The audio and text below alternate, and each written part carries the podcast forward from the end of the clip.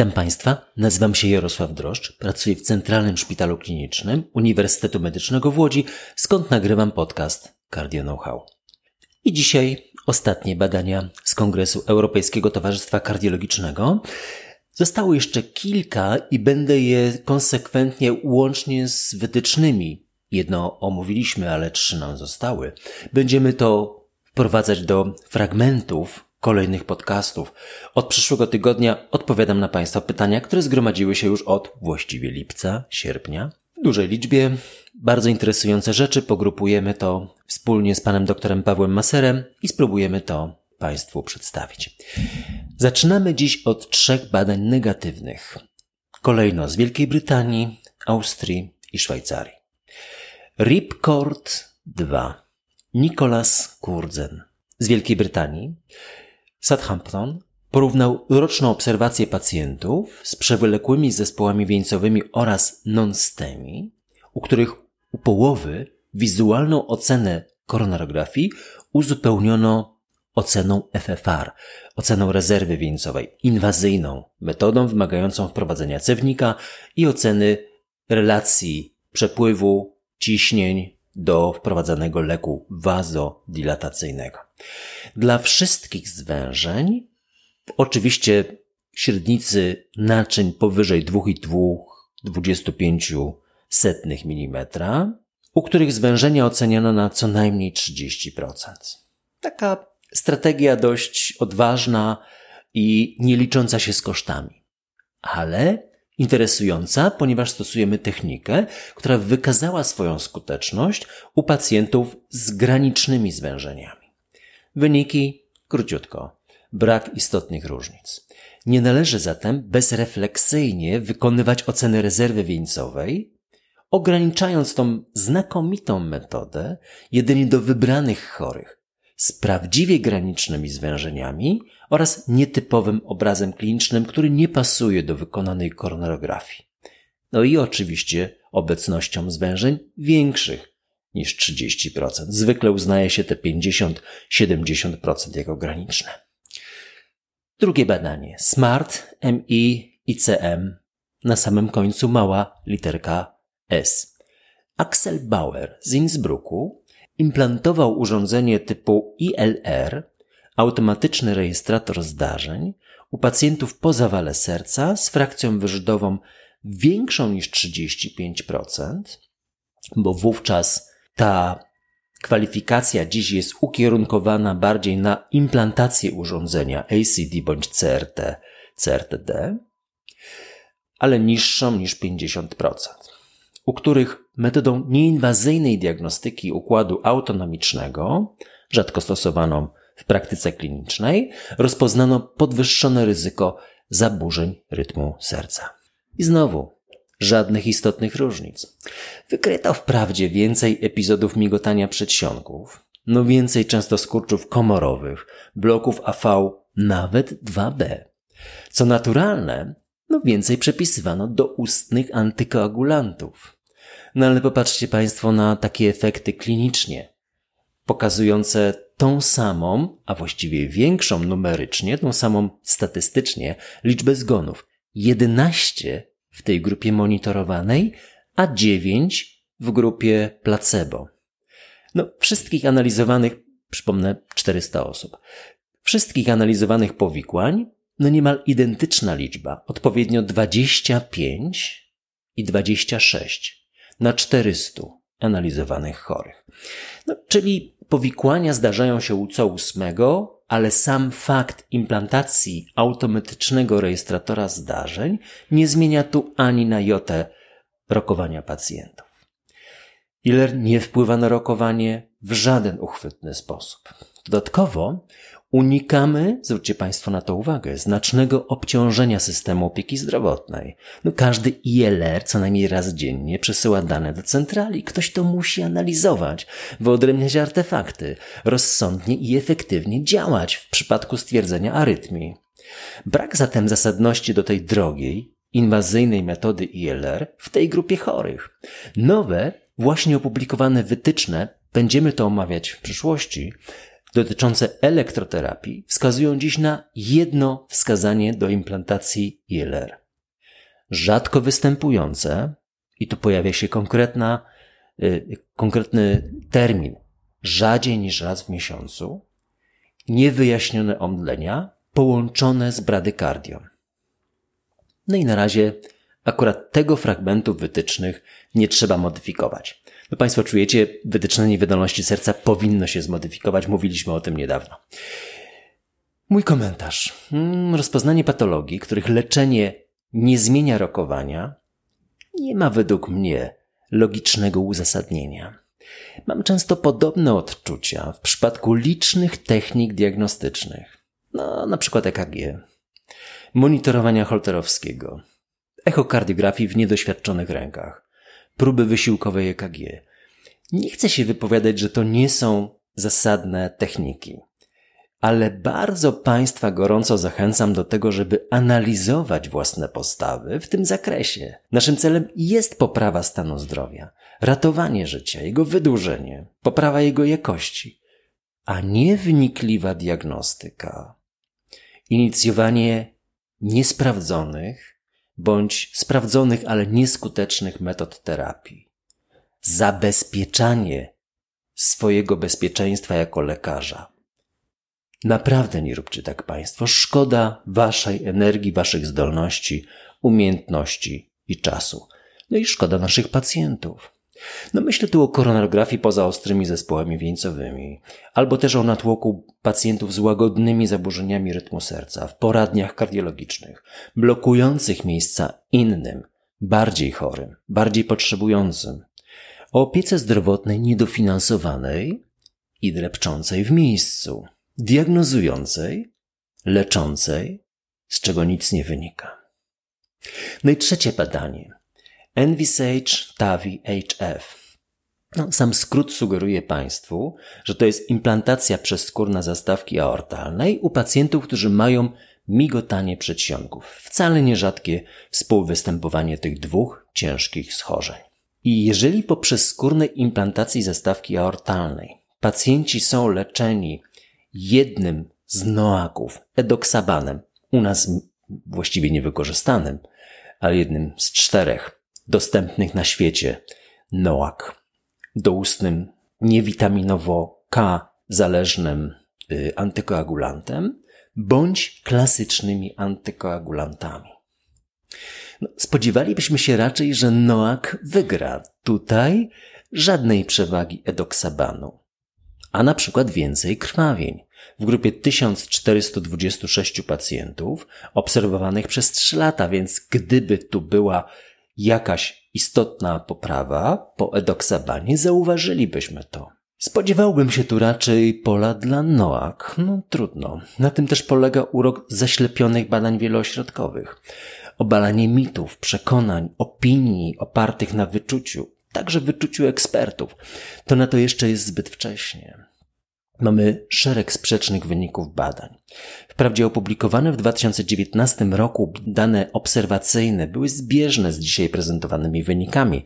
Jack Interventions 2019-12, strona pierwsza, ale nie z powodu częstszych krwawień po NOAK wówczas, ale mniejszej skuteczności w zapobieganiu powikłaniom niedokrwiennym. Inny, nie mniej ważny element. W nowych wytycznych wprawdzie mamy dwie nowe informacje w porównaniu do starszej wersji, ale żadna z nich nie sugeruje, co my mamy robić, jeżeli chodzi o wybór leku. No, pierwsza informacja. No, jeżeli pacjenci mają TAVI wykonane, implantację zastawki aortalnej przez skórną, a mają inne wskazania do antykoagulacji, na przykład migotanie przedsionków, to powinni mieć utrzymaną antykoagulację. No, nic bardziej prostego, ale też nie odkrycie Ameryki.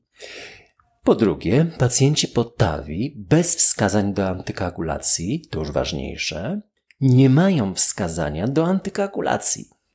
No, część osób tutaj wiąże implantację zastawki aortalnej z koniecznością obniżenia krzepnięcia krwi. Nie, nie. Rekomenduje się, i to trzecia sentencja, w tych przypadkach jedynie jeden lek przeciwpłytkowy. Pewnie dzisiaj jeszcze, gdybym miał pacjenta, który ma tawi i migotanie przedsionków, utrzymałbym noak, gdy pacjent otrzymywał ją przed tawi, ale na pewno bez leku przeciwpłytkowego.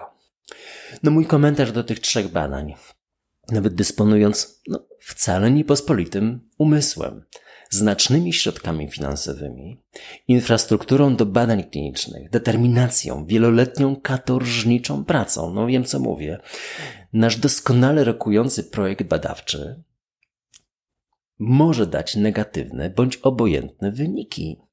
A ciągle spotykam młodych ludzi, którzy w dwa miesiące niemal bezkosztowo pragną uzyskać powalający na ziemię wynik swoich prac.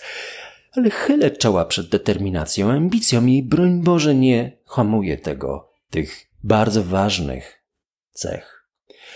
Sam kolejny miesiąc konstruuję badanie obserwacyjne niewydolności serca i wiem, co mówię nsptcardio.pl. Zobaczcie Państwo. To, co pewnie Was zaskoczy, moje badanie się oczywiście uda. Będzie kilkadziesiąt publikacji. Kilkadziesiąt. Naprawdę. Stawiam bezpłatną wyjściówkę na przyszłoroczny kongres PTK na to, że zaczną się już pojawiać pierwsze impaktowe publikacje. Impact powyżej trzech. Stawiam taką granicę.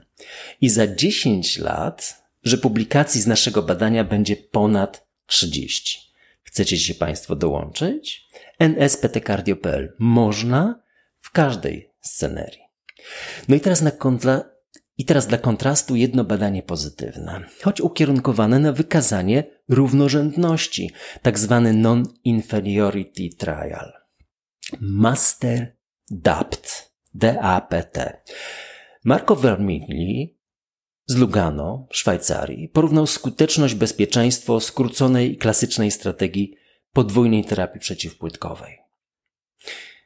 Gdzie leży Lugano? Taki worek turoszowski, jeśli chodzi o Szwajcarię, tylko w środku nie ma wielkiej, brudnej elektrowni, tylko jest piękne jezioro. Lugano jest miastem e, szwajcarskim, ale mówi się tam po włosku.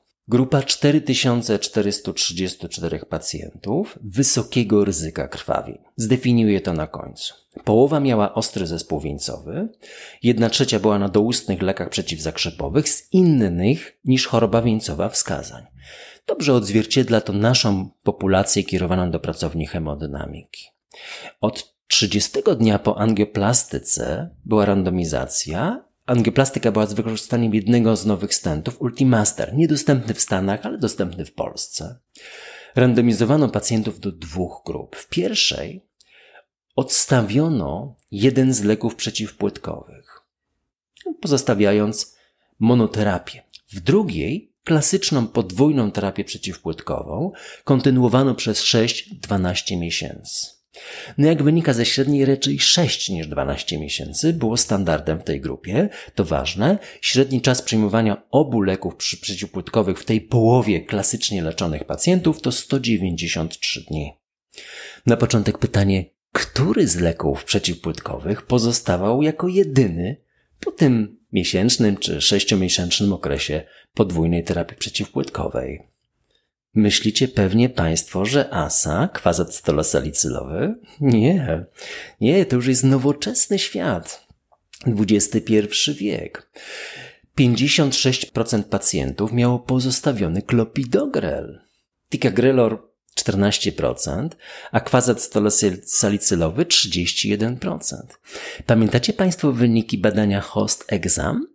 Kto nie pamięta, zapraszam do wysłuchania epizodu 19 podcastu Cardio Know-how. A jak wyglądałaby struktura leczenia po jednym sześciu miesiącach lub dwunastu w Państwa ośrodku? W naszym nie wygląda tak dobrze. Ale pora, by to zmienić. No i teraz wyniki. U pacjentów z migotaniem przedsionków stosowano nieco inny schemat, troszkę bardziej skomplikowany. Potrójna terapia przeciwzakrzepowa u wszystkich przez jeden miesiąc. W ramieniu skróconym podwójna terapia przez miesiąc i odstawienie tego leku przeciwpłytkowego po zestawienie doustnej antykoagulacji jako monoterapii, a w drugiej tej tak nazwanej klasycznej podgrupie potrójna terapia przeciwzakrzepowa przez kolejne dwa miesiące, czyli łącznie przez trzy miesiące, a następnie podwójna terapia przez 3 do 9 miesięcy, raczej około 6 i kontynuacja jedynie doustnym antykoagulantem zgodnie z wytycznymi. No, zwróćmy uwagę, że to nie jest dokładnie tak, jak mówią wytyczne Europejskiego Towarzystwa Kardiologicznego, które, mówiliśmy o tym też już kilka razy, rekomendują skrócenie potrójnej terapii do jednego tygodnia. Tu ten okres w obu ramionach był dłuższy, wynosił, jak Państwo widzicie, miesiąc. To ważne pytanie, czy można skracać czas podwójnej terapii przeciwpłytkowej. Okazuje się, że można. Niemal identyczne wyniki w podgrupie bez wskazania do doustnej antykoagulacji w obu podgrupach. No i nieco lepsze, o 12, zależnie od tego, co analizujemy, do 18%, nieistotnie statystycznie, ale lepsze, w podgrupie skróconej, miesięcznej terapii z, u pacjentów z, ze wskazaniami do doustnej antykoagulacji, czyli na przykład z migotaniem przedsionków. No ale przede wszystkim istotnym parametrem różniącym obie grupy była mniejsza, mniejszy odsetek krwawień i to znacznie z 9,4 do 6,5%. No, to prawie u trzech chorych na 100 leczonych. To już zdecydowanie można uznać za sukces skróconej strategii podwójnej terapii przeciwpłytkowej bądź utrzymanie jednego leku przeciwpłytkowego ZOAK po dwóch miesiącach łącznego leczenia, a potem monoterapia doustnym antykoagulantem. Już od trzy, początku trzeciego miesiąca po implantacji stentu. No, spadek krwawień był szczególnie mocno wyrażony u chorych bez wskazań do doustnych antykoagulantów, tu niemal połowę. Wprawdzie krytycy mówią, że zasadnicza różnica wystąpiła w grupie krwawień BARK-2. Pamiętacie Państwo skalę BARK?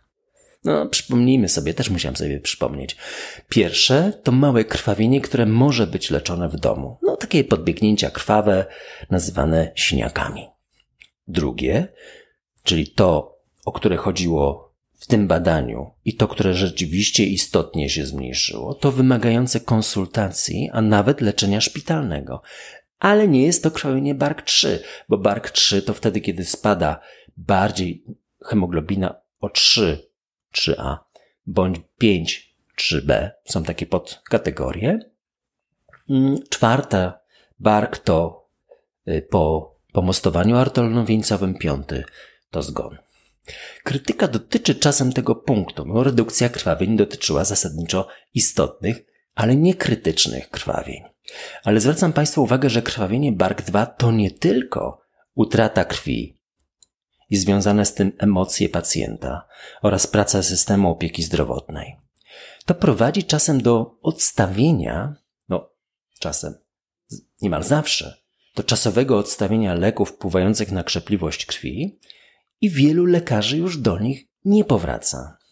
Wielu pacjentów nawet nie dociera do lekarza ponownie, samodzielnie odstawiając leki. Albo się ustawia w kolejce i czeka. Nierzadko wcześniej niż termin wizyty w poradni przychodzi udar, zawał. Można zatem skracać czas skojarzonego leczenia przeciwzakrzepowego i to ogromna tendencja w ostatnich latach u chorych z co najmniej jednym czynnikiem ryzyka krwawienia, bo to wspomniałem, że wyjaśnię. No jakim? No na przykład wiek powyżej 75 roku życia. Liczba płytek poniżej 100 tysięcy. Hemoglobina poniżej 11 przez pewien czas. Wskazania do antykoagulacji przez ostatni rok. Jedno krwawienie wymagające kontaktu z lekarzem w historii. Wskazanie do niesterydowych leków przeciwzapalnych. Wcale nierzadkie. I choroba nowotworowa inna niż skóry.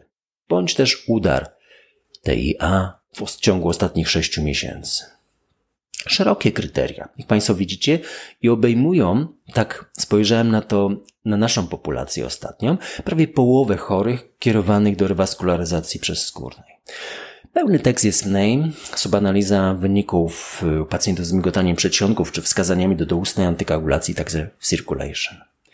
No i w komentarzach zwracano uwagę na kongresie na trzy elementy. Pierwszy to że pacjenci podwyższonego ryzyka krwawień mają też istotnie większe ryzyko incydentów niedokrwiennych. Te czynniki są niemal identyczne. Ale to pierwsze, ryzyko krwawień przeważa, gdy analizujemy wskazanie do podwójnej terapii przeciwpłytkowej, warto skrócić ten czas. Drugi. No, operator powinien perfekcyjnie przeprowadzić zabieg, dobrze doprężyć stent, wykonać kontrolne badanie FFR. No i trzeci. Jeżeli pacjent ma wskazania do przeskórnej rewaskularyzacji, to nawet jeśli ma ryzyko krwawienia uznane za wysokie, to można ją i trzeba nierzadko bezpiecznie wykonać, przeprowadzić rewaskularyzację.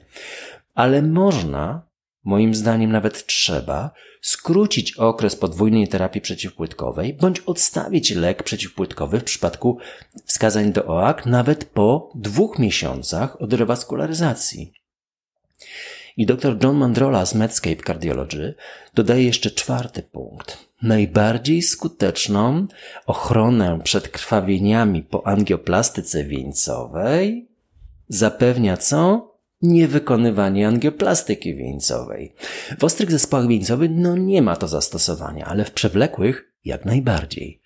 Nie ma żadnej przewagi rewaskularyzacji przezskórnej u pacjentów z przewlekłymi zespołami wieńcowymi, nawet jeśli mamy potwierdzoną, umiarkowane niedokrwienie, wspekt bądź dodatnią próbę wysiłkową. No, dodam, o ile pacjent wie, co ma zrobić, gdy przewlekła wieńcowa choroba przejdzie w niestabilną dławicę bądź zawał.